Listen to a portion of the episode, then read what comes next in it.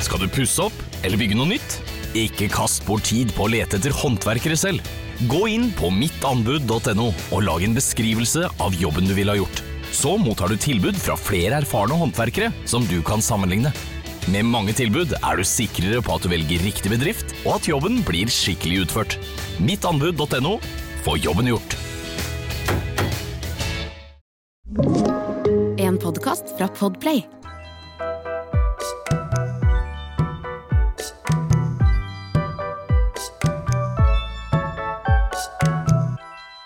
Jeg gleda meg til. Nå har jeg en dronning i studio. Selveste programlederdronninga. Du har leda noen av de største TV-programmene som vi har her til lands. Det har vært OL-sendinger, det har vært Idrettsgalla, det har vært Melodi Grand Prix. Og så har du imponert i Maskorama, og nå nylig imponert i 71 grader nord. Ah, vet ikke helt. Kanskje du har gjetta det. Velkommen til Positivistapodden, Anne Rimmen. Tusen takk. Veldig hyggelig å være her. Og veldig, veldig fin intro, da, gitt. Ja, så glemte jeg å si at du er podkaster òg, da. For du har jo Ja, ja. en podkast òg. Ja, Ja. det har jeg også. Og det kanskje mange ikke vet, er jo at vi faktisk har bodd sammen i Australia. Ja, we go way back. Det er faktisk over 20 år siden. Ja, det er jo litt sykt å tenke på, men Ja. eh, ja, det er jo det. Det er faktisk det. Så vi har litt historie, og, og jeg tenkte at vi må mimre litt når vi først endelig får tid til å sette oss ned og bare skravle. Ja. Det er jo helt tullete egentlig at når vi endelig får til å møtes, så skal vi sitte her og skravle her, men eh, bedre enn ingenting. Ja, vi er eh, småbarnsmødre begge to, og tid, det er eh, Ja. Det er ikke alltid man har tid, men vi er gode på å skravle på telefon. Ja. Så der er vi, er vi gode. Og ja, så jeg tenker vi skal mimre litt, men også er det jo veldig mange som kjenner deg ikke sant? som den programlederprofilen, da. Og, eh, stort smil, stålkontroll, eh, selvsikker. Og så lurer jeg liksom på Har du alltid så kontroll? Eh, Det enkle svaret er nei. ja.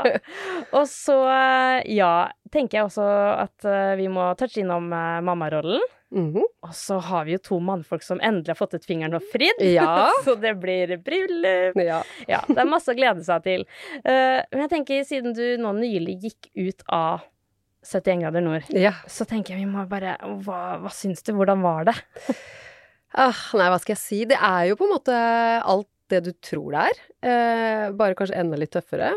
Uh, jeg tror jo likt for de fleste som har vært med der, er at man får en sånn derre åh, man skjønner ikke helt hvor langt vi gikk den dagen egentlig. For det er klart at eh, du får jo ikke plass til alt. Vi ser at du er sliten på den siste sykkelturen der. Eh, om jeg er! Åh, nei eh, det er ikke tvil. Det er det ikke noen Nei. som helst tvil om. Jeg prøvde ikke heller å, å skulle late som noe annet enn det som var tilfellet. Men eh, jeg følte jo på mange måter at jeg eh, Altså, jeg, jeg liker at jeg innimellom utfordrer meg sjøl litt på noen ting som jeg absolutt ikke mestrer. Eh, du nevnte Maskorama. Det, da var jeg innmari langt utafor.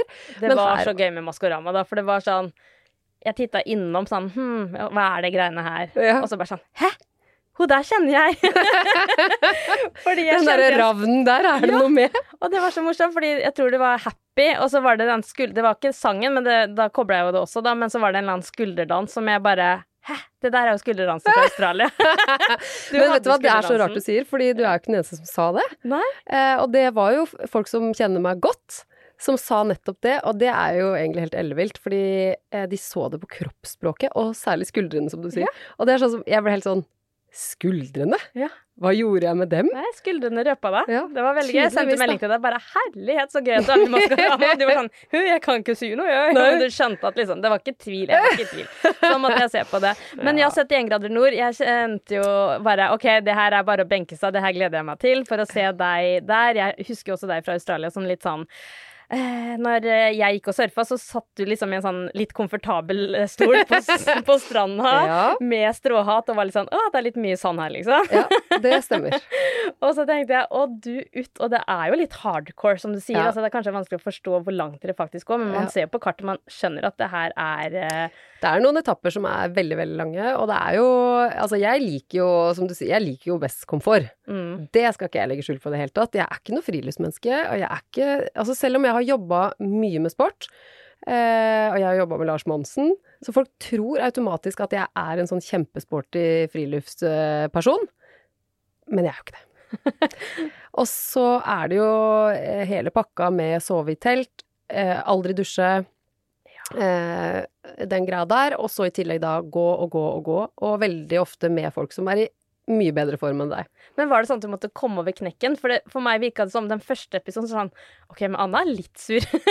altså, du var, er jo så positiv, men akkurat i starten her så var jeg sånn Hæ, OK, det her blir interessant å følge med på. Og så henta du Anne, som jeg kjenner, da, tilbake. liksom At du måtte liksom komme deg Ja, det er mulig, men jeg tror altså det er ganske stor forskjell på de etappene også. Ja.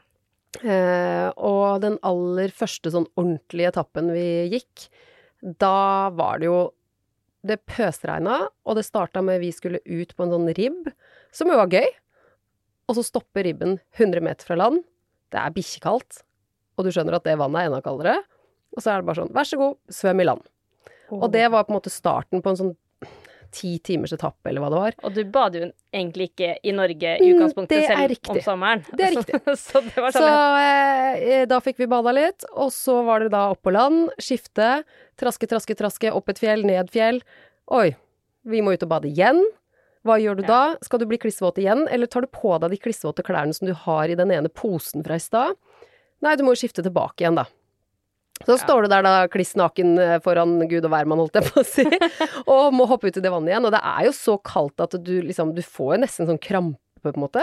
Da jeg kom på land, så var det en fra sikkerhetsteamet som var sånn Anne, nå er du helt blå på leppa, nå må du kle på deg nå. ja, så de følger med på det. Sånn, De følger med hele ja. tiden. Og det eh, skal sies da at jeg kjente jo noen av de sikkerhetsfolka fra før, så jeg visste at vi var i de beste hender når det gjaldt den biten. Ehm, men de bærer ikke den sekken. De går ikke de eh, kilometerne for deg. Det må du gjøre sjøl. Var det noe tidspunkt du var faktisk skikkelig engstelig? Ikke sånn sikkerhetsmessig. Nei. Egentlig ikke. Jeg ikke sånn eh, Jeg har jo ikke noen sånne veldig sånn eh, sterke fobier for ting, egentlig. Uh, og det er jo det, det vil jeg bare si hvis det er noen som vurderer å være med på 71. De spør deg på forhånd hva er du redd for, hva gruer du deg mest til? Ikke vær ærlig der. Fordi det jeg blant annet sa, var jo eh, jeg er ikke så glad i å bade i kaldt vann. Første skal gjøre. Er det noe jeg fikk gjort, så var det å bade i kaldt vann, liksom. Ja. Eh, og alle som har høydeskrekk, må jo eh, masse greier i høyden. Det er de gode TV-øyeblikkene. Det er Absolutt. det vi hjemme sitter og liksom Ja. Klarer de å trosse frykten? Det er Ja. det som er gøy. Absolutt. Men var det noe eh, som skjedde som vi, du tenkte 'Å, så deilig at den klippa bort det', eller var det noe du tenkte Eh, det er ingenting som jeg liksom skulle ønske Eller altså jeg ble glad for å bli kvitt men det er, det er jo mye som ikke kommer med. Ja. Ja. Men er det noen Altså, det når du sitter og ser på det etterpå? For du ser på det etterpå? Ja. Ja. Og jeg sitter jo der eh, Hvordan har du det da? Ikke bra. Nei? Nei, jeg hater egentlig å se på meg sjøl sånn. Jeg hater å se på meg sjøl på TV i utgangspunktet, men jeg er jo vant til å ha en litt annen type rolle, hvor jeg har ganske god kontroll på hva som skal skje. Eh, så jeg syns jo det var eh, mildt sagt ganske flaut å se på meg sjøl jeg, er- jeg er klønete, liksom. Jeg er skikkelig Jeg elsker det. ja. Du den sykkelen der, og det er Ja, nei, det er og det derre duste supbrettet som bare eh, Kommer det en liten vind der, liksom? Og jeg snudde meg i feil retning. Plopp! Der lå jeg i vannet igjen. Og den nydelige siste Ah. hinderløypa òg. Når du satt og hatt og dingla på den staven. Da var jeg ganske klar for å dra hjem, for Ja, å si det det rett var ut. litt tydelig, faktisk. Det var sånn, ja. Nei, det er hun som ryker i dag. Ja.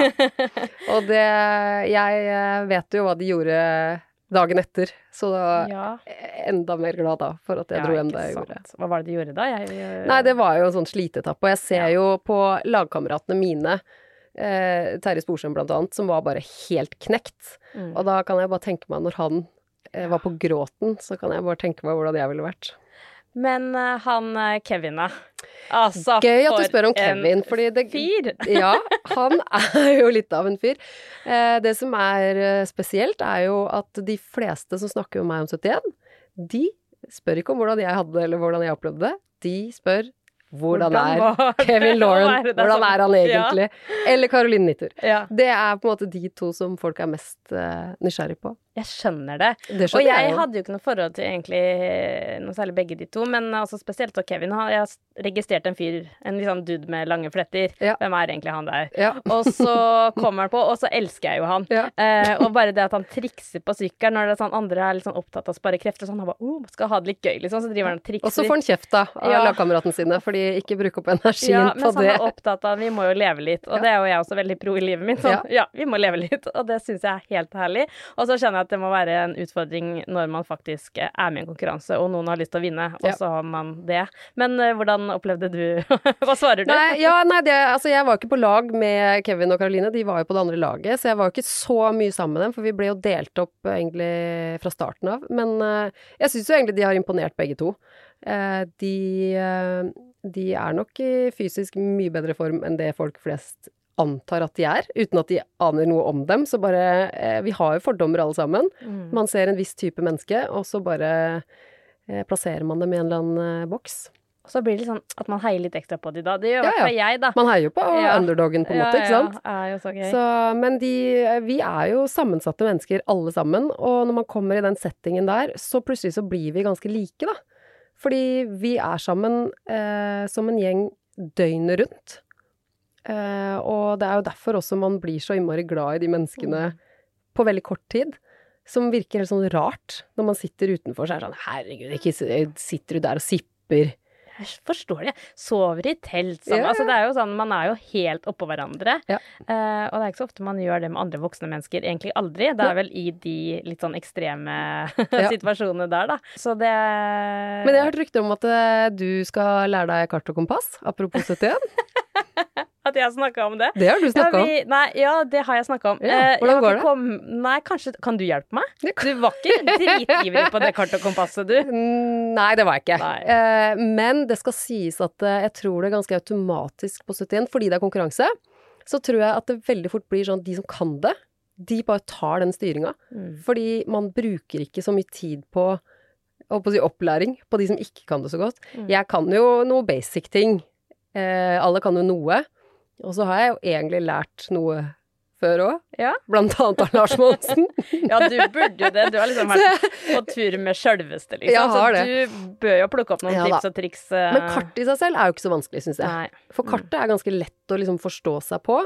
Og så er det jo Kompasset er liksom en helt annen greie. Da plutselig Arman og jeg skulle klare oss alene, så var vi sånn Vi driter i det kompasset, vi bruker kartet, og så spør vi oss fram. Vi ser, er det noen fjelltopp vi kjenner igjen? ja, ja, ikke sant. Men da var det mye lettere å bare si sånn, for da var vi eh, ganske sentrumsnært. Mm. Og da var vi bare sånn Vi spør de vi møter, vi. Ja, det var det jeg tenkte noen ganger. Sånn. Hvordan skal vi navigere her? Sånn, hei, hei, spør en venn. Ja. At ikke flere tenker det med en Ja. gang. Det er ikke alltid man har muligheten til det i 71, da. Nei da, det er sant. Bare... Men eh, du har ikke kommet så godt i gang, da, eller? På Nei, så jeg tenker hvis du Hvor er du? Skal du lære meg, kanskje? Ja. Men det er jo noen sånne ting som du tenker at åh, det her burde jeg jo kunne. Og så Men er det noen burde ting du som er deg sånn egentlig? Ja, men at det er litt Ja, når trenger man det? Ja, for det er det som er neste spørsmål. Ja. Fordi eh, det er jo ytterst sjelden du egentlig trenger det. Eh, og jeg, jeg tenker jo at det er sunt å se på et fysisk kart noen ganger. Fordi du får mye bedre sånn oversikt enn det du gjør på en eh, telefon, for eksempel. Mm. Som forteller deg gå til høyre 200 meter hit og dit og sånn og sånn og sånn. Som faller ut i fjellet. Og jeg Ja. har jo ikke vært dritmye i fjellet, men jeg har jo turutstyr. Jeg skulle gjerne brukt det mer. Så jeg, sånn, jeg har et ønske om å komme meg mer ut. Jeg vet Ja. det gjør meg godt. Eh, og så er det jo også sånn når jeg er på, på sjøen, da, nå bor jeg ved siden av sjøen, og jeg har liksom vært på båttur med en venninne og vært sånn derre Apropos spør en venn. Unnskyld, hva er veien til Hvaler, liksom? og så, og så På breieste Østfold-dialekta. Unnskyld, jeg vet jo veien til Våler. Jeg tror det er Spjærøy vi skal dit og møte noen venner. Ikke?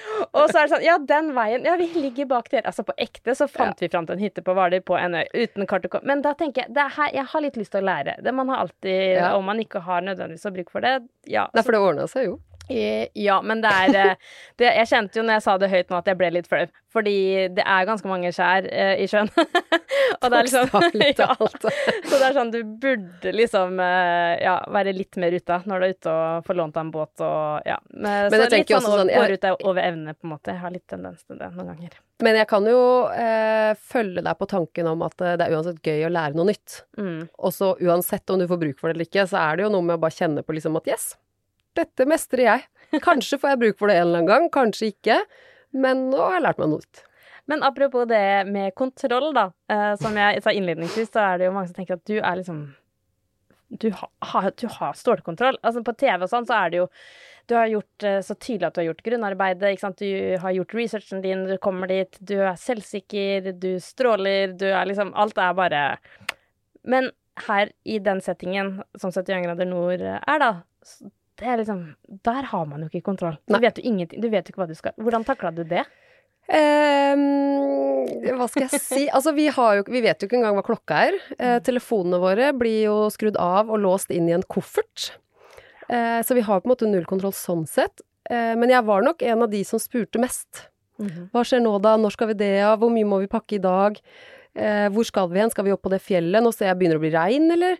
Eh, bør vi ha med oss sånn? Sånn at det, den ble litt Kan du Nei, jeg tror vel de bare syntes det var litt komisk, Ja. eh, og skjønte at jeg var en type som kanskje likte å forberede meg litt mer enn det vi fikk Ja. mulighet til der, da. Men jeg fikk jo etter Jeg ble jo på en måte vant til det òg. Mm. Det er en del av eh, pakka der. Man vet aldri helt. De vil jo gjerne vekke oss og, og få oss til å få dårlig tid og si nå er det avreise om så og så lang tid, dere skal pakke sammen ditten og datten, teltet må ned, kom igjen, chop, chop, chop. Så har du Eh, Kevin som bare Jeg ja, ja. litt til. Han bare slapper av likevel. Og det var jo veldig fint for oss, da. Ja. For vi var jo på det andre laget og kunne jo flire litt av det. Ja.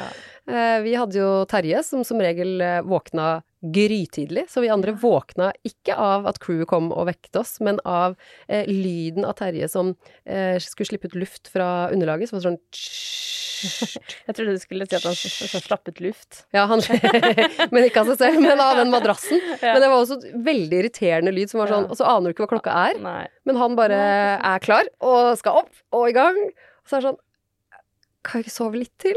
Han er generelt punch i livet. Ja, ja, ja, er du gæren. er, gleder meg til fortsettelsen, selv om det er ikke like gøy nå som du er ute, da. Men, Nå er det mye gøyere for meg å se på, da, det skal sies. ja, Nå er slipper jeg å gjøre det med en pute. Ja. Men er det andre ganger i livet hvor du kjenner at ah, her har jeg ikke helt uh, kontroll? Eh, ja, altså jeg er jo generelt glad i å liksom være forberedt til ting jeg skal. I hvert fall hvis det gjelder sånn jobbting, da. Mm. Eh, så liker jeg jo det. Men det er jo derfor jeg også innimellom føler jeg er spinnvill og sier ja til å gjøre sånne ting som jeg ikke har kontroll ikke på. Fordi jeg tror det er sunt for meg, da. Mm. Mm. Eh, og jeg tror jo også at jeg har blitt veldig mye flinkere med åra til å eh, slippe den kontrollen litt. Ja. Eh, Som småbarnsmamma kanskje også, at det Ja. har kommet litt for det. Men det handler litt om andre prioriteringer i livet òg, ikke sant. At du får en sånn eh, Vi har begge to en type jobb som er sånn ja ja, men om ikke det funka 100% eh, Det er ingen som døde på din vakt i dag, liksom. Mm. Eh, og så blir det noe med at eh, ja, det er andre ting i livet som tar litt av både tiden og energien din. Eh, og så tror jeg også vi har innimellom godt av å være litt mer spontane på noen ting òg, da. Mm. Mm. Men når du sier det, er det sånn at uh, du ikke Altså ikke er perfeksjonist, at man tenker at ok, litt sånn sendt er glemt. At Ja. det hvis man er perfeksjonist, så Ja. har man nesten et litt problem i denne bransjen. Ja. Fordi man absolutt. alltid kan sitte litt til. Og man kan alltid Men jeg tror jeg har blitt mye flinkere til det. mm. Jeg tror eh, tidlig i karrieren min så var jeg helt eh, Forberedte meg, forberedte meg, forberedte meg. Mm. Og jeg jobba mye med sportsjournalistikk, hvor det var sånn klassisk at man liksom skulle i anførselstegn ta disse damene fordi de kan det ikke egentlig. De er ikke egeninteressert. Og så følte jeg nesten at jeg måtte overkompensere for å kunne enda mer. Um, mens nå så tror jeg kanskje jeg forbereder meg um, sånn at det er bra nok, da. Mm. Fordi du trenger ikke lenger å kunne 10% mer, hvis du skjønner hva jeg mener. Du trenger ikke alltid ha ti ekstra spørsmål nederst, som jeg veldig ofte hadde hvis jeg hadde en gjest i et eller annet studio, så var jeg alltid sånn Jeg vet jo av erfaring at det intervjuet går fortere enn det jeg tror, men jeg må alltid ha noen backup-spørsmål nederst på, på liksom blokka, i Mm. tilfelle. Um, mens nå så tror jeg jeg er mye mer avslappa på det, rett og slett. Har det gjort eh, livet litt eh, bedre? Ja. Ja. Men jeg tror jo Jeg vet ikke om det har med alder å gjøre, eller om det har med erfaring å gjøre, eller om det har med å gjøre at jeg har fått barn og kanskje ser litt annerledes på sånn livet generelt. Mm, at det er ikke det viktigste i livet. Nei. Det er andre ting som betyr noe. Jeg tror det er en kombinasjon av de tre, Ja. og sikkert andre ting også. Ja, ja. Og når man er ny i bransjen, så er det jo nettopp det at man har, eh, føler at man har noe å bevise. Ja. Og så Men er ikke du sånn litt òg, da? Du liker jo å være godt forberedt, du òg, selv om du er litt Nå er jeg spent på hva du skal si. skulle til å si det vi snakka om i stad, at du på en måte For folk som ikke kjenner deg, i hvert fall, så tror jeg du fremstår som litt mer spontan, litt mer surrete som type enn meg. Blir ikke fornærma over at jeg det? Sånn. det er sånn, du snakker med en som bare klarte å låse seg inne i en bil, så alarmen gikk eh, i går, mista telefonen i do og eh, klarte å helle sushi, sånn at jeg Ja, det- fikk liksom sushi på Nei, altså soyasaus på tissen. Ja, men, altså? Og det er jo er sånn. kjempekomisk. Ja. Men til tross for de tinga der, Mm. eh, så er du jo kjempeproff i jobben din. Ja, men det er du jo. Det er så bra når jeg delte det, så sa mamma til meg i stad må du liksom dele alt? At du er så Jo, men er ikke Jeg sånn, tror jo det er det som er befriende med deg, da. Ja, At du nettopp deler de tinga der. ja. Det er jo kjempegøy. Og så tror jeg folk ja. liker det òg, at du er kjempeproff på det du driver med uansett. Eh, men så er du litt vimsete ved siden av, da. Ja, jeg er, jeg er litt vimsete. Og det går litt fort i svingene, og jeg skal gjøre mye, og på kort tid, så det er jo andre altså. Jeg er jo vant til at jeg sier au, ikke sant, for jeg Ja, dunker borti Det ting. og husker jeg jo ja. fra da vi bodde vi bodde sammen. sammen. Det var noen auer da òg. Men vet du hva jeg husker?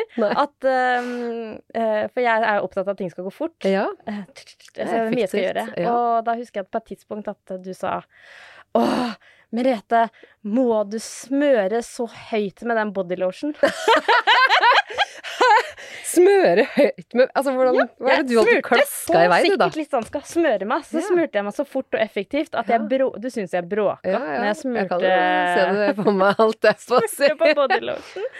Så jeg tenkte liksom at ja, så du har kanskje litt Det sier litt om liksom hvor close på hverandre vi kanskje var, da. Ja. Begynner å irritere deg over det. Ja. Ja, vi bodde jo sammen eh, en god stund. Det var jo sånn at vi Husker du hva bydelen het? Queensland? Bydelen? Bydelen. Ja. jeg, som i Ja, Bri ja Tuwa- Ja.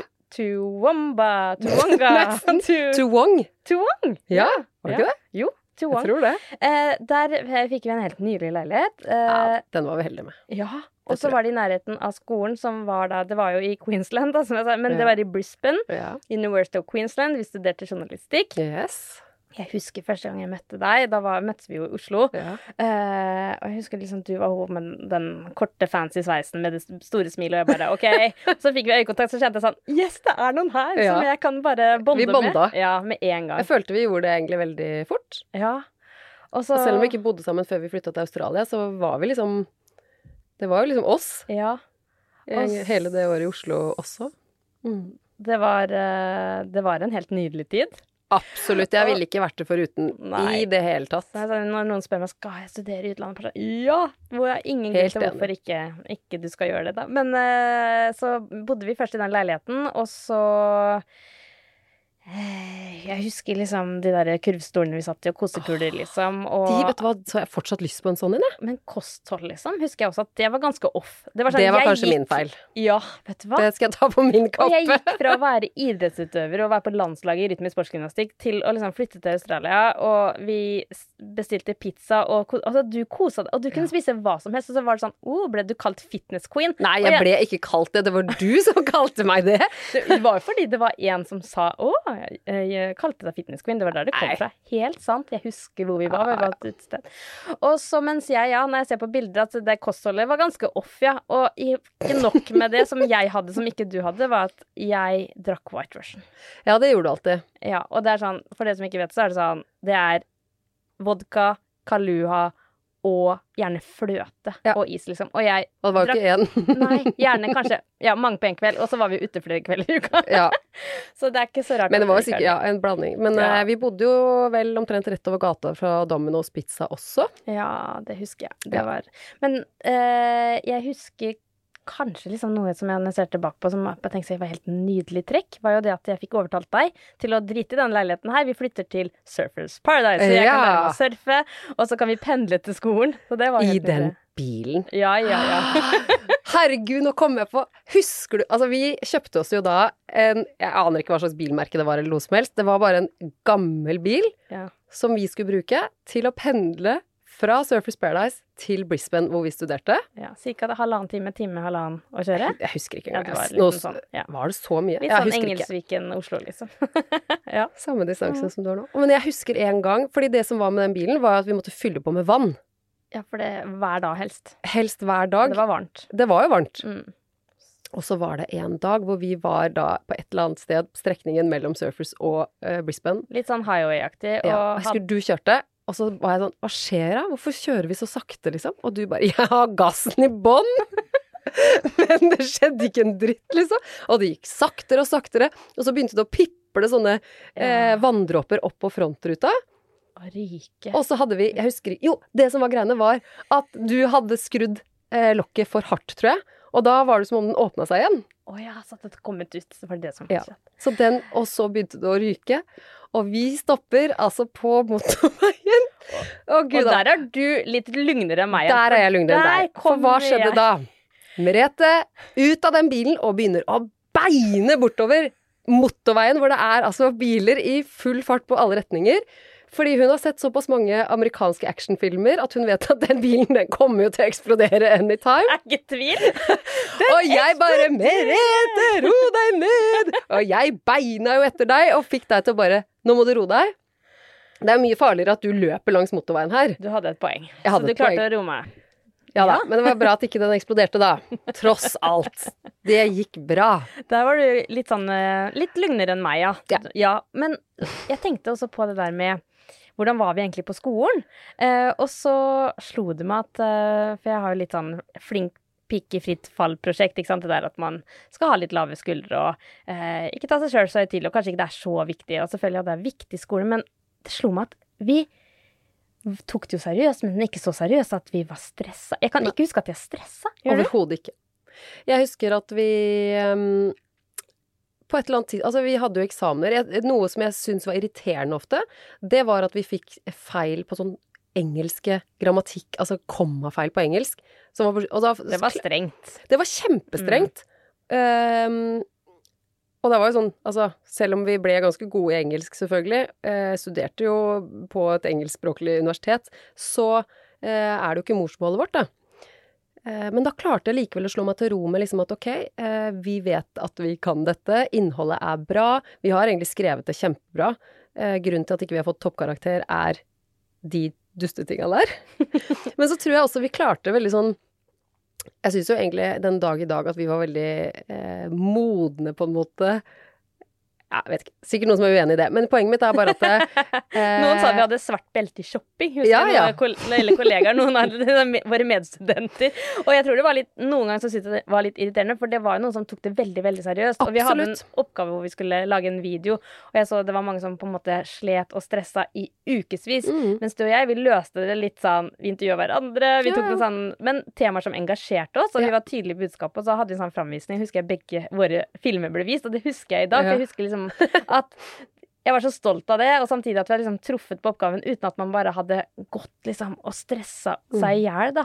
Og så tror jeg vel vi også sånn eh, Og dette er jo ikke så, Dere som er studenter som hører på dette her, må ikke nødvendigvis ta alt dette her bokstavelig, for det kommer litt an på hva man studerer. Men eh, vi studerte journalistikk, som er et veldig sånn praktisk fag. Eh, og vi studerte i Australia. Så jeg tror vi på et eller annet tidlig tidspunkt klarte å bare innse at eh, vi trenger ikke å få toppkarakterer her for å klare oss i jobblivet senere. Det er en fordel at vi står på fagene. Mm. Eh, og så er det en fordel at vi forstår det vi driver med, og eh, skaffer oss erfaring og forstår det praktiske i journalistikkfaget. Og det kanskje viktigste som både du og jeg gjorde, var at vi tok praksisen hjemme. Jeg jobba i Ja. NRK Østfold, og du hadde vel eh, TV Telemark, som var eh, sant. da distriktsnyhetene under TV Norge, som den gang de hadde det. Ja, der Mm. jobba vi også litt sammen. Ja, ja, Og så fikk jeg automatisk da jobb der når jeg var ferdig utdannet. Fikk i hvert fall et vikariat. Ja. Eh, og så er man inne. Ja. Og det er liksom det som kanskje er vanskelig når man tar eh, i hvert fall og studerer eh, sånn som journalistikk, da. Ja. Og ikke ta praksisen hjemme. Jeg vet at de som ikke gjorde det, også slet litt med å komme seg inn. Ja, For vi hadde jo på en måte både erfaring, men også fått eh, en del kontakter Mm. da vi Ja. kom tilbake igjen fra studiene. Så det, Men- Nå klapper vi oss sjøl veldig Ja. på skuldrene her, merker jeg. Gud, så ja, men jeg tenker at det er litt ålreit uh, at For jeg også tenker Også tidligere så var jeg veldig opptatt av å få uh, veldig gode karakterer, sånn som Mm. på ungdomsskolen og sånn. Kunne det beste var godt nok. Jeg var eh, eh, og så drev med turn og gikk veldig inn i det sporet. Så jeg tror også du som menneske som er litt lugnere enn meg, Mm. litt, eh, du, du stresser ikke så lett, og jeg stresser nok lettere enn deg også. Uh, og du hadde en veldig god innvirkning på meg der. Og uh, jeg blir liksom glad når jeg ser tilbake nå, når vi studerte journalistikk, at ikke den tiden var bare stress. Ja, at man enig. på en strand uh, i Australia. at jeg faktisk lærte meg å surfe. Ja. Og at jeg gjorde de tinga at jeg også la opp timeplanen litt sånn at eh, jeg hadde en god mulighet til å pendle to dager i uka istedenfor hver dag. Ikke sant? Så eh, og så sitter man i dag, så er det ingen som bryr seg om den karakteren på det vitnemålet. Eh, man ser på at jeg har en bachelor i journalistikk, og så er det jo hva man har gjort etterpå. Ja. Og det er kanskje noe liksom å, å tenke på, for det Mm. er veldig lett at man eh, stresser og tenker at kun det beste er godt nok. Og i noen studier så er det jo sånn. Men det Absolutt. Det kommer jo an på hva mm. man driver med, selvfølgelig. Ja. Men jeg tenker jo, altså når jeg tenker tilbake på den tida der, så tenker jeg på først og fremst bare gøy. Du vi dansa på høyttaleren? Vi dansa på høyttaleren. Det var fast. Det var de ravnebevegelsene. Det var der de begynte. Nei da. Men eh, vi hadde fast plass på toppen av høyttaleren, vi. Ja. Koste oss med det. Eh, det var ikke alle som syntes at det var like kult, eh, tror jeg. Om det var samme for oss, det. Så lenge vi hadde det gøy. Så det er liksom egentlig sånn jeg ser tilbake igjen på den tida der. Du, vi gikk jo ut fra mm, studiene og gikk rett ut i jobb begge to. Og det Mm. er jo en såpass lenge siden at mediebransjen, hva det var da, og hva det er nå, er liksom, kjennes ut som to ganske forskjellige ting. Ja, absolutt. Det er jo det. Er det noe du savner med hvordan mediebransjen var før? Jeg tror liksom den største forskjellen kanskje har skjedd liksom de siste fem-ti årene, kanskje, egentlig. Eh, jeg jobba jo mange år i NRK, først som fast ansatt, og så på en sånn kontrakt på en måte etterpå. Og det er jo noen ganger hvor jeg kjenner at jeg liksom savner den tida litt. Savner eh, strukturen på dagene, savner folka, selvfølgelig. Eh, savner forutsigbarheten. Mm. Ehm, men sånn er det jo ikke lenger. Og nå har jeg på en måte en tilværelse hvor jeg eh, har mye mer varierte dager.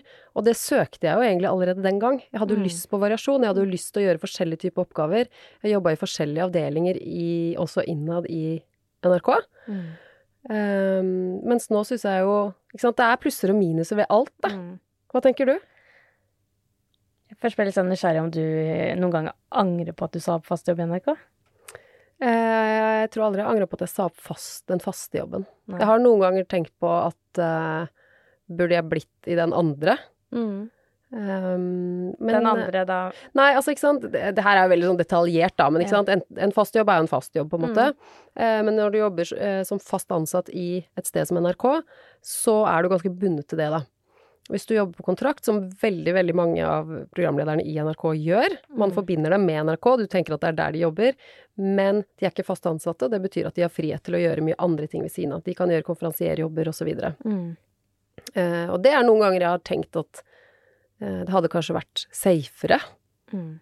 og fortsatt på den biten. Men jeg vet jo ikke hvordan det hadde blitt. Mm. Så jeg prøver egentlig ofte å liksom ikke bruke så mye tid og energi på å angre på ting. Nei, det kommer jo ingenting godt ut av å angre, men samtidig så er det ikke alltid så lett. Jeg nei, nei, det er ikke det, men jeg bare tenker ja. at det, hvis man klarer å, å prøve å bare snu hodet litt vekk fra det, fordi det bare blir en sånn dårlig spiral, på en måte. Du, Mm. Ja, hva er vitsen med å bruke energi på det? Du får ikke gjort noe med det som har skjedd likevel. Og så må man på en måte heller bare prøve å ja, se fremover isteden. Og så er det åpna noen dører som gjør at Ja. Ikke sant. Så, eh, men jeg kan også kjenne på det noen ganger. At eh, Tenk at jeg sa opp den jobben i VGTV, hvor jeg Mm. hadde på en måte alle muligheter. Jeg hadde jo så frihet til å lage de TV-programmene eh, jeg selv ønska. Eh, var ideen god nok, så var det sånn yes. Og det er også en mediebransje som kanskje er litt annerledes eh, Ja, i dag. For det er ikke sånn Å, jeg har lyst til å lage en eh, TV-serie som heter 100 ved å reise rundt og bare intervjuer eh, idrettsprofiler som gir 100 idretten sin, og lager det med glimt i øyet. Og så er det sånn Yes, bare dra med kameraet ditt. Og det Mm. gjorde jeg, og det var jo helt eh, Det har veldig gode minner fra det. Um, og så når jeg sa opp i um, Når jeg bodde i Los Angeles, for det var sånn enten så må jeg komme hjem og fortsette jobben min og gå litt sånn tilbake det jeg gjør før, Mm. eller så kan jeg si opp jobben, og så kan vi eh, gjøre da Matkanalen og reise rundt med Andreas og gjøre verden. Mm. Eh, og da var valget egentlig sånn Det er ikke snakk om. Vi er ikke klare for å dra hjem. Så jeg angrer ikke på at vi har fått opplevd så mye, men også, også liksom hva VGTV ble å liksom sitte liksom Man sitter jo litt sånn utenfra og ser inn og ser Mm. på det man egentlig er glad i, og noe man identifiserte seg veldig med. Ja. Så det er noen ganger jeg har kjent på det at åh, jeg savner det. Eh, Det skjønner jeg jo. Men det skulle aldri vært foruten eh, at de veiene det har tatt oss, og det som jeg har fått oppleve med Andreas og eh, der jeg er i dag, Mm. det er jeg, jeg er veldig takknemlig for det. Så det er liksom det å fokusere på det og aldri sitte og angre, for det kommer det jo aldri noe, noe godt ut av. Mm. Men når jeg tenker på hva mediebransjen var før, og hva det var, er nå, så var det jo Jeg følte liksom at det var liksom, Alt var litt sånn lov før. Mm. At det var så liksom, lekerom altså, det var den, For deg må det ha vært de store TV-sendingene. Mm. var, TV var også et veldig stort medium. Ja, ja? Nå er det litt sånn på vei ned. Men, men det å få lov til å lede og være programlederdronninga i det, må jo ha vært helt, helt fantastisk. Du var jo liksom Du var så stor at eh, da ligger liksom paparazzi. I hvert fall fotografer ute i buskene utafor huset, liksom. Jeg vet ikke, Var det da dere flytta inn da du solgte, eller hvordan var det? Ja, jeg husker ikke akkurat eh, Det var i hvert fall noen bilder av huset og noe greier ja, som Ja. ikke kom fra noe boligprospekt, i hvert fall. Så det, ja, det var jo litt rart, da. Men uh, Ja, ble, du, ble du opprørt da, eller? hva? Nei, altså jeg har jo, både jeg og Ailo, vi har alltid vært litt sånn privat, prøvd å liksom verne litt om det private. For det er klart at når du er eh, litt sånn offentlig, så er det veldig mye som, som blir delt. Eh, på alle mulige måter. Og så har vi prøvd å, å være litt sånn det som er privat, det er privat. Og også på grunn av at vi har barn, og vi har ikke hatt lyst til liksom at eh, gud og hvermann skal vite akkurat hvor vi bor. Mm, Um, det er forståelig. ja. Ja. Uh, Så det syns vi ikke liksom nødvendigvis var så veldig kult, men så er det jo noe med at med en gang man begynner å svare på ting og tang, og da blir det jo bare verre ofte. Ja. Så det beste er jo ofte bare å liksom puste Ja, for var det ikke sånn Du har, ble jeg litt forbanna på Se og Hør en gang. Ja da, jeg har jo blitt det noen ganger. Og så blir det jo en sak, og så blir, er det det du Nettopp. mener, og da baller det på seg, så blir det mye større enn hva det ja, fordi du kan, var. du kan jo velge å ta den kampen, Mm. eh, men så er spørsmålet hva skjer da? Mm. Jo, da blir det jo flere saker. Da blir det enda mer skriverier om det du kanskje ikke egentlig hadde lyst til skulle være der i utgangspunktet. Mm. Eh, og da vinner jo de, egentlig, Ja. til syvende og sist. Så noen ganger så har jeg liksom bare tenkt ok, eh, dette irriterer meg litt, nå får jeg bare telle til ti og bare la det være. Og så glemmer man det jo. Altså Ja. både eh, vi og de som ser og leser og alt. Mm. Ja. Jeg tenkte faktisk på det når jeg leste en kronikk om prinsesse Ingrid Alexandra, som hadde på en måte eh, gjemt seg på østkanten Mm. i Oslo. Det var det en kronikk om at det ble omtalt, og så tenkte jeg ja, men den kronikken Jeg hadde jo ikke fått med meg saken at Nei, hun hadde gjemt seg på Løkka. Eh, og så så jeg å det er nabolaget, skal vi se, det var der jeg bodde. Hvilken leilighet er det? Så ble jeg jo Ja, ja. Eh, og jeg hadde jo ikke sett den første saken, men så leste jeg kronikken, og så var det jo link til saken, så jeg var sånn ok, men da klikker jeg jo inn, og så har jeg fått med meg dette. Eh, og nå snakker jeg om det her. Så det blir jo plutselig en større ting Ja, enn det det, det er. Så, så det er vel sikkert noen ganger du har tenkt den kamelen her Ja. svelger jeg, og så lar Absolutt. det fare. Det, er, det ofte, føler jeg kanskje. at jeg gjør Nei da, herregud, folk det høres ut som mye verre enn det det var. Men jeg, jeg føler jo at den tankegangen har jeg med meg i mange deler av livet. Det med å velge mine kamper. Mm. Uh, og det med å gå i en sånn offentlig diskusjon, det er ikke det at jeg er noe redd for å gjøre det, for jeg er ikke noen sånn konfliktsky som type, men det er bare noen ganger jeg bare tenker sånn, jeg gidder ikke. Mm. Jeg gidder ikke å, å være med på den eh, debatten der. Og det syns jeg jo du er Altså, jeg er så imponert eh, og stolt over at du har turt å stå i den stormen du har gjort i det siste.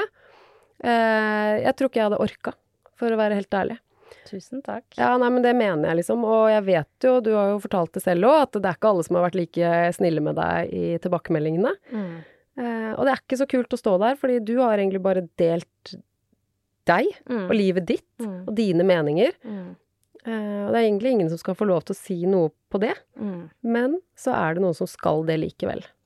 Og det, Ja. ja, det står det så Takk for at du av. sier det. Uh, og så ser jeg jo så mange som uh, skriver tilbake at de setter så pris på at noen setter ord på hvordan de har det. Mm. Eh, og når det er eh, 99% da, ikke sant Selv om den gangen her var det jo Det var ikke sånn, det var ikke tre kommentarer, det var jo hundrevis av kommentarer. og Folk Mm. Eh, og for deg som hører på nå og ikke skjønner hva vi snakker om, så er det bare at jeg var åpen om at jeg var, eh, ble sykemeldt. Eh, i, Og det vil jeg jo legge til, da. Du har jo ikke selv bedt om å bli sykemeldt. Nei, jeg har jo ikke det. Det er jo en lege som sier at nå skal vi sykemelde Ja. deg. Så det er jo tegn... også liksom noe som jeg tenker er sånn Å, jeg blir så irritert. Jeg. ja, men det er noen som bare sånn Ja, du får ikke tiden til å strekke til, så nå går du og sykemelder deg. Og det er litt sånn, det skal også sies sånn, den tittelen og en greie Hvis du bare at hvis, Ja. Men Det det må jeg si, da. Det mener jeg er punkt én. Hvis du skal tillate deg å kommentere på sånne saker, ja, da må du i hvert fall ta deg tida til å lese hele saken. Ja, da nytter det ikke å lese bare ingressen og så Og tro at du skal sitte der og eh, i med fjæra, alt jeg på å si. Ja, og rakke ned på andre mennesker. Der Og det- jeg det er helt hva utrolig. er det med det? Og ja, jeg har sett flere som uh, har litt sånn stått uh, som, som har uh, sagt at det er Jeg vet ikke, det er jo Nå har jo jeg en annen jobb ved siden av også, men det er jo noen som også tenker hvis man setter det på influenseknaggen, da, så er det sånn Da er det bare å hakke løs, altså. Mm. Fordi det er jo nesten ubetydelig, ikke sant. Så, Ja. så det er også det jeg har sett at eh, det er flere Hanne Lena, eh, hun som har sånn vegetarblogg også, som uttrykte litt frustrasjon, eh, så jeg i går, som, som sa bare at altså, folk er så stygge. Mm. Altså sånn Men det, vi sitter her på andre siden òg. Altså, ja. Men det tror jeg det er uh, Uansett hvor idiotisk det faktisk høres ut som. Men det er en del av disse nettrolla som sitter og kommenterer, som rett og slett ikke har tenkt over at den personen du nå kritiserer, det er et ekte menneske, Mm. og man blir lei seg. Og så er det jo sånn som du sier da, ikke sant. De aller, aller fleste tilbakemeldingene du har fått, er positive. Eh, selvsagt, mener jeg, at de burde være det. Ja. Men så er vi skrudd sammen sånn da, at vi får jo med oss de negative. Mm. Kanskje nesten enda mer. Selv om det er færre av dem. Mm. Eh, og det eh, føler jeg jo veldig at til dere som driver og kommenterer sånn, så tenker jeg bare tenk deg om. Mm. Hva, hva er det du vil med det her? Mm. Du ender opp med å såre en person. Er det så viktig for deg å få fram din mening til en person du ikke kjenner engang? Du vet ikke alle omstendighetene. Ja, jeg bare Jeg kjenner jeg blir så oppgitt over sånne ting. Og som jeg sa i stad, veldig ofte likevel så gidder jeg ikke å blande meg inn i det. Fordi jeg ikke gidder at den snøballen skal fortsette å rulle. Ja, ikke sant. Og så har du sagt når du faktisk har svart, så blir det sånn Å, unnskyld. Så plutselig så kommer de bare Er ikke måte på Men det er jo fascinerende. Ja. Mm. Ikke sant? Når du svarer tilbake igjen til noen som har vært veldig, veldig kritiske, og prøver å bare forholde deg helt sånn saklig og rolig og si at det er så trist at du ser det sånn, jeg eh, prøver å gjøre mitt beste, uansett hva kritikken går på. Men som regel, da, så plutselig så får det en helt annen tone også. Oi, ja, men unnskyld, ja, det var kanskje ikke sånn ment, da. Jeg tok kanskje litt hardt i. Ja, du gjorde det. Ja. Og jeg ble Mm. lei meg. ja, ikke sant. Så Og det er litt sånn, ja, verdt å bare ta med seg. jeg tenker at de som kommenterer sånn, ikke har funnet veien inn til Positivista-podden, at det er, de er helt andre steder. Men så blir man litt overraska over hvem er det som kommenterer. ikke det. Fordi det er jo nettopp det at når man går inn um, Jeg snakka med en i går, og så han sånn som hadde fått skikkelig stygg kommentar. Mm. Så gikk hun inn og klikka videre, så sto det et sånn profil 'Verdens kuleste bestemor'. Ja. Det Sånn, Tenk deg det, da. Slutt å tulle! Mener du det? Mm. Så ja, man vet, vet aldri. Um, Og så tror jeg sånn generelt sett at eh, det å drive og uh, kjefte, i hvert fall folk du ikke kjenner, du vet ikke bakgrunnen Vi har alle vårt, liksom. Mm. Uh, og det er ikke alle som forteller om alt der ute heller. Uh, men bare liksom, ja, trekk Ja. en ekstra gang og vær litt raus med hverandre isteden, tenker nå jeg, da. Jeg bare ja. Kloke ord. Nei, det vet jeg ikke om det er, men jeg blir Nei, men er, Jeg blir jo, eh, Ja. fordi at jeg er glad i deg, og Ja. du er en god venninne av meg, så blir jeg jo eh, sint Ja. på de der folka som driver og eh, slenger med leppa til deg Mm. fordi du er kjempemodig, og som står ut og forteller om noe som angår veldig, veldig mange. ja.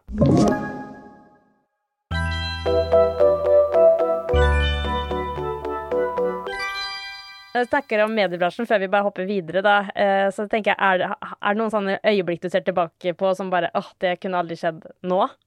Mm.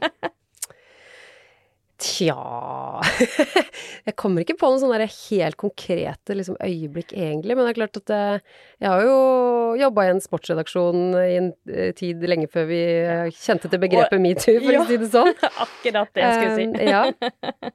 Men jeg tror jeg egentlig ble skåna for de verste tilfellene. Eller så har jeg kanskje også vært litt sånn hardhuda på ting, og ikke Jeg er ikke den som fortest tar meg nær av ting, tror jeg. Men jeg husker jo det når jeg kom på jobb og skulle, hvis det var noe opptak, og liksom en mannlig kollega bare Ja, liksom Ja, puppa ser bra ut i blusen i dag, liksom.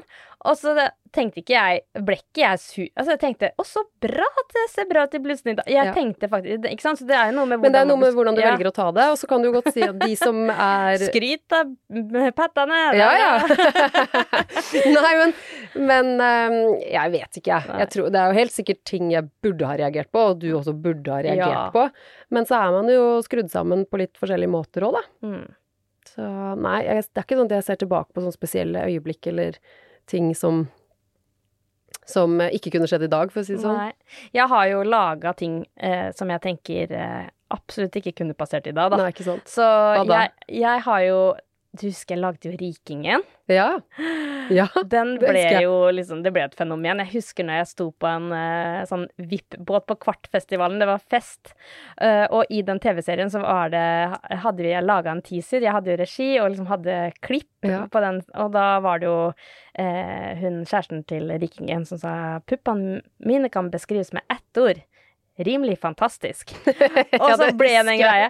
Og så sto jeg på den båten, og så skulle, var det en skål om bord, da. Og alle bare 'rimelig fantastisk', ropte alle. Jeg var sånn oi, oi, oi, oi, når jeg laga noe som har bare blitt større enn meg sjæl, liksom. Altså, det er så kult å få lov til å skape de tinga. Men det er klart at han Det var jo, det var jo drøyt. Ja. Og én ting var jo hva som jeg klippa, men liksom hva som skjedde på opptak òg. Så jeg var jo på reise med han i Thailand med Mats Andersen, som nå jobber i Aller eh, og er eh, videodirektør, tror jeg, der. Eh, og eh, vi hadde det jo kjempegøy, men det var jo altså et tidspunkt også hvor liksom etter endt arbeidsdag så gikk vi på byen med Rikingen i Pattaya. Ja. Så kan du tenke deg hvor dark det var. Og det var jo på et tidspunkt også, hvor vi var inne på et sted hvor jeg sa her kan vi faktisk ikke være, fordi det var så ekkelt. Ja. ikke sant? Og så Nei da, men jeg vet om et bedre sted, litt sånn mer high end-sted. Og så kom jeg inn, så rekker jeg ikke innafor døra før liksom han gir hun litt eh, penger og sier 'do her', og så får jeg liksom lapdance uh, der jeg sitter, og de holder jo på å lese seg i hjel, og jeg Ja. var full av glitter. Og det var liksom den uskyldige delen av den Ja. turen på byen. Men Ja. altså, det var jo helt drøyt. Og så når jeg begynte å tenke på det, så tenkte jeg jeg har laga en enda drøyere serie. Husker du det? Nei. Jeg husker det kanskje når du sier det. Det var på TV2. Den het Roy Lucky Limoboy. Altså, jeg blir litt flau når jeg sier det høyt, og det var for, for TV2 Nett. Men det, det, altså, og det var enda litt drøyere. Og Roy Lucky Limoboy, han bor i Las Vegas med sin fru, og dem er jo fra Trondheim. Eh, og dem de sånn, eh, ja, eh, trøndere eh, i Las Vegas. Han har limoselskap, og vi skulle lage en guide til Las Vegas. Og Andreas og jeg bodde jo der i to måneder i Las Vegas og lagde den drøyeste guiden til Las Vegas du kan se for deg. Og vet du hva? På et tidspunkt så skulle, var det et tips at hvis du ikke er medlem av Mile High Club, og du har lyst til det, så er det en løsning i Las Vegas. Ja. For der kan du leie Love Plane. Så Å, vi dro Ja. opp i dette flyet med dette paret. Han er liksom på 60-ish, da, kanskje litt yngre, med sin fru baki der. Og jeg satt foran, det var så lite fly, så jeg sitter foran. Så han eh, piloten bare 'Har du lyst til å kjøre fly?' Ja ja. Så jeg satt og kjørte fly, mens Andreas satt bak og filma. Mens de hanky-panka under et pledd baki der. Nei, nei, nei. Og så sier jeg til Andreas, mens jeg liksom har kjørt det flyet, så sier jeg 'Går det bra baki der?' Så snur han seg, så bare 'Ja da'. Og så dogger det på brillene til Andreas. Å, herregud. altså, det vet ikke hvor Det var ikke sånn hanky-pank, sånn, men det drev, drev te- Teppet gikk jo opp og ned, liksom. Og jeg bare Altså, Andreas, det liksom Jeg tenker, er det der liksom ditt lavmål i karrieren, liksom? Kan jeg få til å snakke høyt om det der? Og han bare Vet du hva? Det er høydepunktet! Bare snakk om det! Og så Høydepunktet. sier jeg, "Nei, det enda bedre på den turen da, var jo at eh, vi uh, booka inn Elviser. Så vi Ja. hadde eh, Han satt på telefonen og booka en Elviser da, til en fest. Så han booka en eh, kort, en lang, en eh, bred, en eh, Smal. Alle varianter. Og så visste ikke de Elvisene om at vi hadde booka alle i byen. Nei. Så alle Elvisene, altså typ ti Elviser, kom inn døra og bare ding dong, ny Elvis, ding dong, og alle så forskjellige ut. Og så var det liksom Elvis-fest fordi han Roy Lucky Limoboy elska Elvis. Og så på et tidspunkt så ble de så sure, så de begynte å fly på hverandre. Jeg tok ikke med det her på Elv alle Elvisene ble sure. Ja, De krangla. Begynte håndgemeng Hva, med Elviser. hva, altså, de drev og diskuterte hvem som Ja. var den beste Elvisen? da? Helt riktig. Det ble Mm. håndgemeng i stua til Roy Limoboy. Og jeg bare sånn derre Det her eh, jeg, Altså, den ble nesten litt sånn dyssa Den serien den ble jo så drøy. Jeg lagde den med Ray Kay og han ja. Øyvind Fjellheim. Ja. De også var produsenter. Ja. Så det ble jo fyrt opp. Eh, og da tenker jeg sånn Vi skulle aldri vært foruten det, men den hadde nok Jeg vet ikke. Kanskje det ikke er- passert uh, Nei, jeg tror ikke det. Det er, eh, det er en litt annen bransje i dag, hvor Ja. man er litt sånn redd for å tråkke feil. Kjenner du på det? At du hele tiden prøver å helgardere? Ja. Ja. Og det er jo på godt og på vondt, det. Ja. Fordi det er jo noen ting som kanskje blir litt, rett og slett litt kjedeligere også. Fordi at det er veldig mange som eh, ikke helt eh, tør. Mm. Og man er så innmari redd for at noen skal bli krenka, og det er jo ja, litt mye regler og retningslinjer. Mm. Sånn er det. ja. Mm. Men du, han har fridd, da. Ailo har Ailo er fridd. Ja. Og Andreas er fridd. Vi skal Andre- gifte oss! ja, det er jo helt spinnvilt. Hvem skulle ha trodd?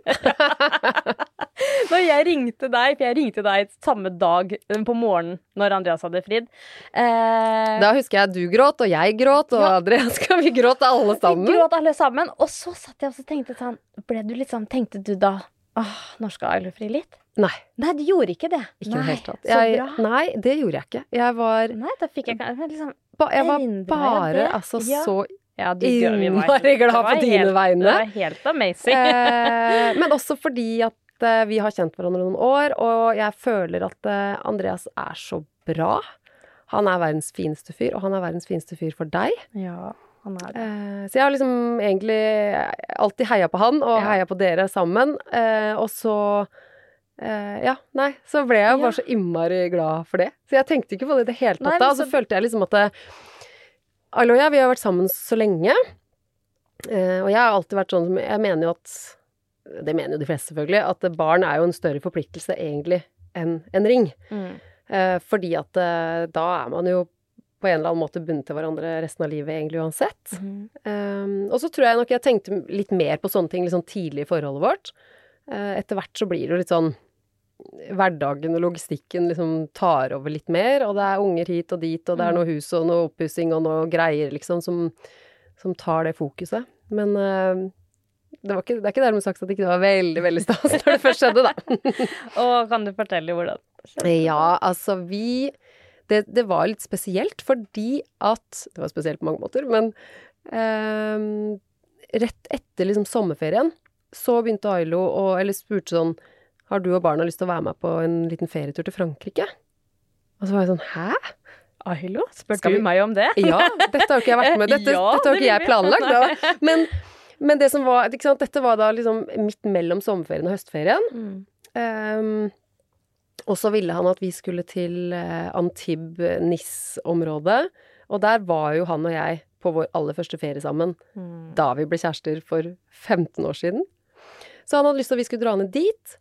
Eh, og det var jo superstas. Hvor lang tid tok det før du tenkte hmm, Nei, det tok ikke så lang tid. Og det er fordi at jeg fortalte jo noen venner at vi skulle på dette, denne turen, og sa de tingene der, ikke sant. Vi skal til Frankrike, samme stedet som vi var for 15 år siden. Og ja, eh, vi skal dit eh, på den datoen som er liksom vår dato.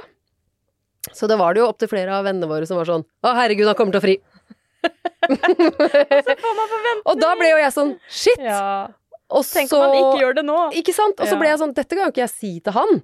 For Nei. hvis han ikke skal det nå, så ødelegger jeg jo hele ferien. Og hvis han skal det, så er jo det dårlig gjort òg. Da ødelegger jeg det Ja, ja. også. Så jeg, dette må jeg bare blokkere ut fra hodet så godt det lar seg gjøre. Eh, og så den dagen som på en måte er vår dato, da. Eh, den dagen vi liksom hvert år har sagt ok, i år har vi vært sammen så og så mange år. Eh, så hadde han bestilt en båttur. Så vi skulle på en sånn eh, guida båttur eh, med barna, da. Eh, utenfor Antibes. Og det var jo kjempefint og nydelig vær. Ailo var litt sånn stressa den morgenen. Som regel så er det jo jeg som stresser med å rekke ting. Ja. Men da var han litt mer stressa. Vi skulle rekke den tida, liksom. Og så kom vi ut på vannet, og vi, der er den yachten til så og så mange milliarder, og der ligger feriehuset til BMW-familien, og bla, bla, bla. Er det han Også- som sier det, eller Nei, guide? nei, det er ikke Ailo som sier sier Han har oi, oi! oi. Gjort masse research på området. Nei. Nei, det er den guide som forteller, da. Ja. Og så på et tidspunkt så begynner Ailo liksom å grave litt ned i sekken sin, og så tar han opp sånn smågodt til barna. Det var sånn ja, dere rakk jo ikke spise så mye til frokost i dag. Så er det sånn smågodt forma som en liten burger eller andre ting, så det var liksom litt gøy. Og så tenkte jeg hva er det som skjer her nå? Har han Sett tatt dere med litt der borte, liksom. Ja, Ja. har han tatt med liksom godteri til barna? Ok. Ja ja. Topp. Eh, og så fortsatte han å grave i sekken. Sånn, ja, og så er det en liten ting til mamma her, da. Nei. Og opp kommer den lille firkanta esken, og når du ser en sånn firkanta eske, så skjønner du med en gang hva som er i den esken. Eh, Ailo har jo ganske skrøpelige knær etter en altfor lang motocross-karriere, men han gikk ned på et kne. Og jeg satt jo der. Jeg ser du begynner å grine. Ikke gjør det, for da begynner jeg å grine òg. Men jeg begynte jo å grine der òg. Selv om jeg hadde fått eh, noen sånne forvarsler og kanskje tenkte at kanskje skal det skje, liksom. Eh, jeg tror det er litt sånn obligatorisk. Jeg vet Ja. ikke. At man da blir litt sånn. Ja, for det er plutselig sånn Åh, du har Det er liksom det derre Ja. Det er noe høytidelig ved det. Ja, det er jo noe vakkert. Og så ble er- det litt sånn søtt og komisk deg. på en måte også, fordi da høytideligheten forsvant jo veldig fort. Mm. Fordi ungene var jo der, Ja. og de skjønte jo ikke helt hva dette var, og Iben var sånn 'Mamma har fått prinsessering!' Ikke sant? så, um, så det var liksom kjempekoselig og kjemperomantisk, eh, men ganske neppe også. Ja. Eh, og fineste ringen jeg noen gang har sett, og kjempestolt og god med den hver dag. Han naila det. han naila det. Og han er jo ganske grundig. Ja. Så han hadde jo vært hos den der gullsmeden fire ganger, tatt med alle ringene mine. For jeg ble sånn Hvordan klarte du å finne helt perfekt størrelse? Ja. Og så sa han ja, men er den det? For de fleste går tilbake og justerer den. Mm. Nei, han hadde jo tatt med alle ringene mine. I tur og orden. Fire ganger hadde han vært frem og tilbake. Åh, Og så sa jeg, men hvordan skjønte du, for noen av ringene mine bruker jeg jo på pekefingeren, og noen på den. Nei, det skjønte de hos Ja. gullsmeden, da.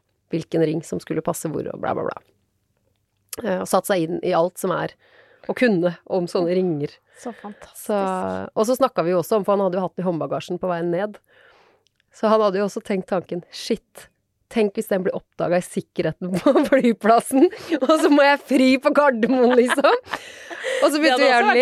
Ja, det hadde, og det sa jo jeg jo, at hadde det skjedd, eh, så hadde vi jo hatt Da kunne vi jo ledd godt av det, liksom. Det hadde jo vært veldig morsomt. Men uh, han slapp det, da. Ja, men det hørtes ut som en drøm, det der, da. Ja, ja. Helt riktig. Absolutt. Og vi hadde en kjempefin tur. Hele turen var liksom bare superkoselig. Så Men nå er jeg nysgjerrig på, har dere begynt å planlegge? Altså. Du vet jo dette her fordi du selv er forlova. Yes. Eh, men til dere som ikke vet det, er du klar over hvor mye man må sette seg inn i? Er du klar over hvor mange valg? Ja. Og jeg blir litt sånn eh, Jeg syns det er litt sånn overveldende. Jeg syns det er vanskelig. Jeg kjenner at jeg syns den kjolen er fin, og jeg syns den kjolen Ja. er fin. Jeg kan godt ha lyst til å kjøpe den kjolen til 100 000, men jeg kan også eh, finne en kjole brukt på Tice og ta den isteden. Jeg syns det hadde vært kult å ha eh, kjempehøytidelig, kjempeherskapelig, 200 gjester, gedigent. Men jeg syns også det kunne vært søtt og koselig bare tatt en hagefest. Skjønner du? Så jeg får helt sånn Jeg syns det er helt sånn eh, jeg- Dritvanskelig. ja. Jeg syns det er skikkelig vanskelig. Jeg ser for meg at Ailo har noen meninger om dette. Ja, ja, han har jo også det. det. Eh, og så har jeg liksom begynt Kautokeino-bryllupet? Ja, ja, ja. Nei, og så har jo jeg Du kjenner jo meg, jeg har jo begynt å skrive noen lister. Ja. Eh, Dronninga til to-lister. Det er du. Er ikke bare Altså, programlederdronninga. Du er helt rå på Nei. Jeg er ikke noe, jeg er ikke noe dronning på noen av delene, egentlig, men eh, det gir meg en, en slags ro og en litt sånn oversikt over ting. Og jeg har jo da begynt å skrive liste over eh, folk jeg har lyst til å ha med. Ja. Um, eh, aktuelle steder. Ja. Tema, ting og tang. Eh, så det Word-dokumentet er jo allerede på mange sider. Ikke sant. Uten at det har blitt noen konklusjon på Ja. verken det ene eller det andre. Nei. Nei. Men eh, tenker dere destinasjonsbryllup eller Oslo-bryllup? Oslo-ish. Oslo-ish. Ja, Ja. ikke sant. Ja, Og det er jo litt sånn praktiske grunner til det. Og det er kanskje også det eneste som vi har landa på, skal sies, da. Ja. Eh, Men det er litt sånn praktisk. Vi har to små barn. Eh, De fleste av liksom omgangskretsen vår er lokalisert i Oslo og omegn. Mm. Um, Og så Men, men ja. Men vil ikke røve det ut fra hverdagen sin og så ta Man bare setter hele helga til oss. Så Nei. det tenker jeg. Nei, men, men jeg Neida, tenker litt motsatt motsatt ja, da. For jeg ja. tenker sånn ehm, Vi lever i tider hvor folk har litt strammere økonomi enn det Ja. vi kanskje har hatt òg. Vi har vært i noen bryllup selv i utlandet som har vært fantastiske bryllup. Eh, og jeg er glad vi var i de bryllupene før vi fikk barn. Mm. Eh, men du krever liksom litt av gjestene dine også, da. Hvis Ikke du bare litt, at du eh, krever ganske mye. Og sette ja, av Sette av ganske mm, mye tid, og det Mm. koster jo litt mer. Ja. Ehm, ja. Nei, så jeg tror vel liksom kanskje det er den ene tingen vi har landa litt på, at det skal bli Oslo-ish. Å, jeg gleder meg. Men så er Oslo-ish ganske stort, ja. Ja. Og så må jo du og jeg koordinere, da, så ikke vi plutselig ender opp med å ha samme dato. ja, nei, det skal vi ikke ha nå. Det skjer ikke. Da må vi i tilfelle slå dem sammen Ja. til sånn fellesbryllup i tilfelle. Ja, nei, Ja. det skjer heller ikke. Men jeg, jeg var jo sånn Å, vi må ta Spania-bryllup. Og så var jeg sånn Men Nei. dere to har jo så mye historie fra hele verden rundt òg. ja, ja, ja. jeg tenker sånn for deres noen steder del og tenkt Å, tenk å gifte seg her. Så, men jeg er helt enig, det føles også eh, eh, også mye å forlange i disse tider skulle si OK, å flytte til et bryllup liksom til utlandet. Mm. Um, og så, så jeg tenkte på det samme, og så ha, fant vi et sted i Sverige som vi har vært, som vi har historie, mm. uh, som heter Baldersnes herregård. Uh, som uh, Amelie var med når vi var på TV-innspilling. De har en stor økologisk hage. Det er helt fantastisk sånn hage der, og de hadde en sånn glasshytter i skogen som vi har bodd, og eh, jeg var i den suiten og bare svinga meg rundt, og nå må man bare fri. Ikke sant? Jeg har litt av eh, historien der. Um, men så fikk jeg liksom menyen, og så var det sånn svenske smørgåser, og jeg var sånn Hæ, skal vi, skal vi, skal vi gifte oss i Sverige? Så føltes liksom det ikke helt Nei. oss heller. Nei. Så vi har tatt oss helt ned, um, og vi har ikke landa på et sted. For jeg var også sånn Tenk så kult å gjøre det skikkelig lokalt, og bare brukt liksom, liksom Fronta de fantastiske Den derre Ja, ja. Fått fram den lokale kreftene, og, og vi bor jo i et nydelig sted, så sånn Hva kunne man ha funnet på noe gøy? Men så har vi også veldig tilknytning til Stavern, Mm. som vi elsker. Er Og så var det også altså helt sånn veldig, nydelig ramme for et bryllup. Ja. Så når jeg var der nå på sånn skrivekurs og gikk rundt om morgenen og var i sol, så gikk rundt i soloppgangen, så var jeg sånn Men det her er jo Altså, du får noen finere rammer enn dette, Nei. tenkte jeg da. Så vi er litt uh, usikre. Har ikke landa Ja, på det ennå. Vi har heller ikke landa da den datoen. Vi tenker jo da egentlig den håper jeg fredag den 13. 2025, altså den helga i, i juni. Ja. juni. Eh, men uh, nå er vi også litt sånn åpne, for vi må koordinere.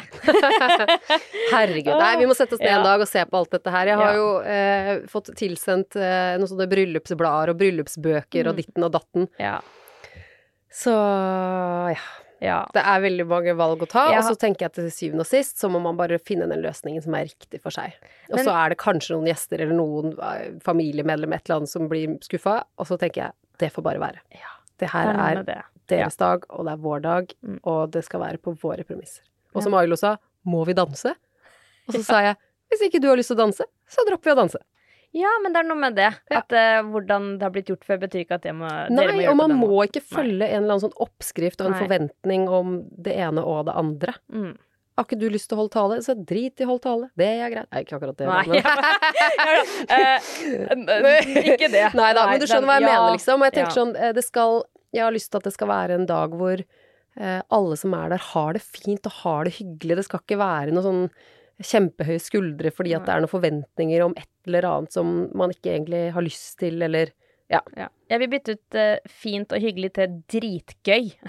Enig. ja, ha det skikkelig gøy. Jeg Ja. vil så bare ha Og det også jeg snakka med en venninne av meg som sa det, at hun gifta seg for ja, husker ikke, x antall år siden, og hun sa det. Fortsatt en dag i dag, det er den gøyeste festen jeg har vært på. Ja. Og så tenker jeg sånn, åh, Det er det man Det- er, det er drømmebryllupet. At man ser tilbake, og at det er det man tenker. Vi hadde det så bra, vi hadde det så gøy, Åh, ja. og vi hadde de viktigste menneskene våre rundt oss. Ja. Ja. Mm, fint. Jeg har jo faktisk funnet kjole, da. Har du det? Nei, men nå er jeg jo litt usikker på det. Fordi Men det som er at jeg var jo konferansier på bryllupsmessa Ja. til Prosjekt Bryllup. Stemmer. Eh, veldig flinke bryllupsplanleggere òg, som eh, eh, Og så eh, prøvde jeg brudekjole i forbindelse med at jeg skulle være konferansier. Ja. Og da hadde jeg eh, søsteren min der, og så de tre Fredrikstad-jentene, Ja. eh, forloverne, og så eh, var det en sånn kjole som jeg hadde sett på, som jeg bare sånn OK, skal du bare prøve den først? Og så tok jeg på meg, da var ikke søsteren min der. Men jeg tok den på, og så gikk jeg ut, og så bare begynte vi alle å gråte. Ja. Det var sånn, den bare Den satt så fint. Den var bare Det var deg, liksom. Og så kom søsteren min, og så sa jeg sånn OK, og så sier hun du må prøve den, jeg må se den, jeg òg. Ja, men å, ikke ødelegg det øyeblikket nå. Det var, helt, ja, ja. det var jo det magiske øyeblikket. Så tok jeg på, og så tok hun på slør, og så prøvde jeg en gang til. Så begynte vi å gråte igjen. så jeg sånn, Og Trine gråt òg? Ja. Ja. Og bare, det her er Så det var veldig fint. Men da så jeg også for meg litt den her det, Ikke sant? Så det spørs litt sånn Hvor er bryllupet? Helt enig. Jeg føler at det skal matche litt. Helt enig. Det må jo matche litt. The wedding dress, liksom. Ja. Og så er det sånn Men det går jo an å ha flere, da. Ja, det tenkte jeg jo. Second dress. Ja. Du skal ha dansekjolen. Ikke Ja, sant. enig. Eller at det er en sånn kjole som kan justeres veldig, at man tar noe av- av noen Ja. lag eller noe, et eller annet oh. sånt. Da. Fordi jeg er helt enig. Jeg tenker også at vi må finne ut av liksom rammene for det først. Mm. Fordi det setter ganske mye sånn Ja, lista for den kjolen òg. Ja. Skal det være den der gallakjolen med det lange slepet? Ja. Nei, det kan det jo ikke hvis vi skal være i noe telt, holdt jeg på å si. Ikke telt. Ikke telt som i 71, det er bare la det være sagt. Men Blitt så sjukt mennesker nå, altså. vi skal gifte oss på toppen av et fjell. Ja. Nei da, det skal vi ikke. Ja. Men ehm, Nei, jeg tror jo liksom Jeg har i hvert fall behov for å bare liksom la det hele synke litt inn. Og så tror jeg jeg må sette meg litt i de ting og tang, og så må Ja. Ailo gjøre det litt. Så må vi sammen finne ut av hva som er riktig for oss. Åh, det kommer til å bli så gøy, da. Og så eh, tenkte jeg eh, nå litt sånn før vi skal runde av, for jeg hører at vi kan Skravler du? Å gud, er klokka så mye! Nei, guri Vi meg. må, vi må runde av. Ja, OK. Jeg eh, Du har et life hack. Du har noen life hack. eh, noen life hacks som jeg har også tatt med meg i livet mitt. Ja. Og én ting er det vi snakka om, at du, eh, du har liksom vært litt sånn god på eh, det vi snakka om tidligere, med, fra Australia og sånn. At vi liksom var med, Vi kosa oss, nøt livet. Ja. Ikke overstressa ting. Ja. Um, og så tenker jeg, en ting du har sagt, det der med litt rot hjemme. At man Mm. ser for seg deg, kontroll, selvsikker, alt det der. Og så inn, kommer jeg hjem til deg, og så bare sånn Å, herlighet, så deilig med så rotete. Og du bare Det er litt rotete her. Og så ba du ikke om Så sa du ikke sorry. Nei. Sorry for at ikke jeg får Sånn som jeg sa. Unnskyld, altså, jeg har ikke fått tid til å runde hvis jeg får gjester. Og du er sånn derre Sånn er det her. Jeg eier det sånn, rotet, jeg. OK, jeg elsker deg enda mer, fordi du kan liksom stå i det, og så ikke unnskylde deg. Nei. Så takk for det. Det prøver jeg å ta med meg også, fordi det er sånn Sånn er det når jeg er småbarnsforeldre. Og er ikke det at ikke vi setter pris på noe ting også er cleant. Jeg skulle ønske at ja, det var ryddig. det Det vil jeg bare si. Ja. Absolutt. Men, jeg har lært meg å uh, leve litt med at sånn er det litt. Og jeg orker ikke å løpe ræva av meg bare fordi jeg får besøk. Eh, det ligger fortsatt i ryggmargen. Mm. Hvis Ailo sier sånn Ja, Andreas kommer innom eh, om ti minutter. Eh, ikke din Andreas nødvendigvis, det var bare et navn. Ja, ja. Eh, eh, så blir jeg jo sånn Å, shit, vi må støvsuge litt. Vi må rydde vekk der. ja. Eh, men eh, det er noe med liksom at eh, de aller fleste som kommer innom, og som jeg sier det som jeg sa til de aller fleste syns jo bare det er deilig Ja. å se at det er litt kaos. Ja. Og så blir jeg litt sånn at eh, Forhåpentligvis så kommer ikke folk på besøk for å se at alt er så strigla. De kommer forhåpentligvis for å se oss, da. Mm. Eh, og så eh, en eller annen gang i fremtiden så kommer det til å være ryddig der. Ja. Men ikke akkurat nå. Nei, deilig. Og det går fint. Jeg elsker det. Takk for at du er sånn, og det er fint å formidle her òg, for det er mange som føler på det. det at det helst skal være plettfritt når du får gjester. Mm. Not gonna happen da med kids, så la det heller være. Og det det skal sies, ja. altså. Vi kan godt skylde på de ungene, men jeg er et rotehue sjøl òg, altså. Ja, det er det jeg jo. jeg, ja, og det kan jeg godt eh, innrømme, Ja. liksom. Ja, Så jeg kan ikke bare skylde på de ungene heller. ja. Eh, men det er deres feil at det ligger tegnestifter og legoklosser Ja. og eh, dinosaurer og diverse. Jeg har jo et litt mission nå, for jeg ser jo at jeg kan bruke mye tid på å finne sokker, eksempel. Mm. Så jeg har et mission i livet nå for å få litt mer kontroll, sånn at jeg kan eh, slippe å stresse over å finne sokker og irritere meg over at jeg ikke finner ting. Ja. Så det er eh, eh, pågående, på en måte. Sokker er jo Det kan du nesten ha en egen episode om, tror jeg, for Ja. sokker er jo rar greie. Ja. Hvor, hvor er de er hen? Hvor forsvinner de hen? Hvorfor finner jeg Senest i går sto jeg med tre eller fire sokker som bare var én av. ja. Eh, og det man burde gjøre da, er jo bare si OK, har ikke sett den andre på en god stund. Ut med den! ja. Også, Hva skal du ja. med den ene sokken? Nei, det er eh, Jeg er helt enig. Men jeg gjør ikke det, altså. Jeg sparer på den ene sokken i tilfelle den andre plutselig Ja, dukker opp. Har du sammen sånn på tampen en, et annet uh, hack i livet som, som gjør hverdagen og livet ditt uh, litt bedre? Tja, hva skal jeg si? Jeg liker jo eh, jeg håper å si, eh, alt som du representerer, bare med navnet at du sier positivista, og prøve å se litt lys på livet. Mm. Det liker jeg jo på generell basis at man prøver å gjøre. Eh, jeg liker at man kan velge sine kamper, Mm. og det gjelder i livet generelt. Det gjelder også i barneoppdragelsen. Eh, vil hun ha på de blinkeskoene på vei til barnehagen, så går det fint, eh, selv om det er litt for kaldt. Mm. For da kan du bytte når du kommer til barnehagen. ikke sant? Eh, så jeg er veldig liksom for, eh, for eh, ja, å tenke litt sånn, tror jeg. Mm. Eh, og så liker jeg jo også da, selv om du er fra Sarpsborg og ikke Fredrikstad, så liker jeg jo slagordet at det ordner seg. Ja, Jeg gjør det. du gjør det. Ja, jeg gjør det, fordi som regel så gjør det jo det. Ja. Eh, og det gjelder også det meste i livet. Mm. Om det handler om å senke skuldrene på studietida, eller eh, barneoppdragelsen, eller ja, kombinasjonen av barn og jobb, som kan være litt mye. Mm. Men, og det vil jeg si til deg òg, jeg vet hva du står i. Ja. Eh, det er ikke alltid man får så mange timers søvn som man skulle ønske. Så klarer man ganske mye mer enn det man tror, Mm. på ganske lite søvn også. Og så blir det bedre etter hvert. Ja, takk for det. det er mange som kjenner seg igjen i det. Det har jeg skjønt i innboksen min at uh, kombinere karriere og småbarnslivet, det er en sånn ekstremsportfase. Ja. Og jeg ville jo gjerne snakka med deg enda mer om nettopp like det med Men nå må jeg jo hente i barnehagen. Ja, det er akkurat det. Så vet du hva jeg foreslår? At du kommer tilbake som Ja! gjest en annen gang. Så Ja! kan vi også snakke litt mer om uh, mammalivet og litt den biten òg. Fordi jeg har veldig lyst til å snakke mer med deg, og så elsker jeg å skravle med deg. Så det er jo en gyllen mulighet når du kommer innom her. Absolutt. Ja. Da er vi på jobb, ja. men får skravla. Er helt perfekt. Ja. Tusen takk for at du ville komme, Anne. Helt Tusen magisk å ha deg her. Nå må du løpe i barnehage. Ja, det skal jeg. Chop, chop, chop. Og ha, du som hører på, ha en fantastisk dag videre. Prekas!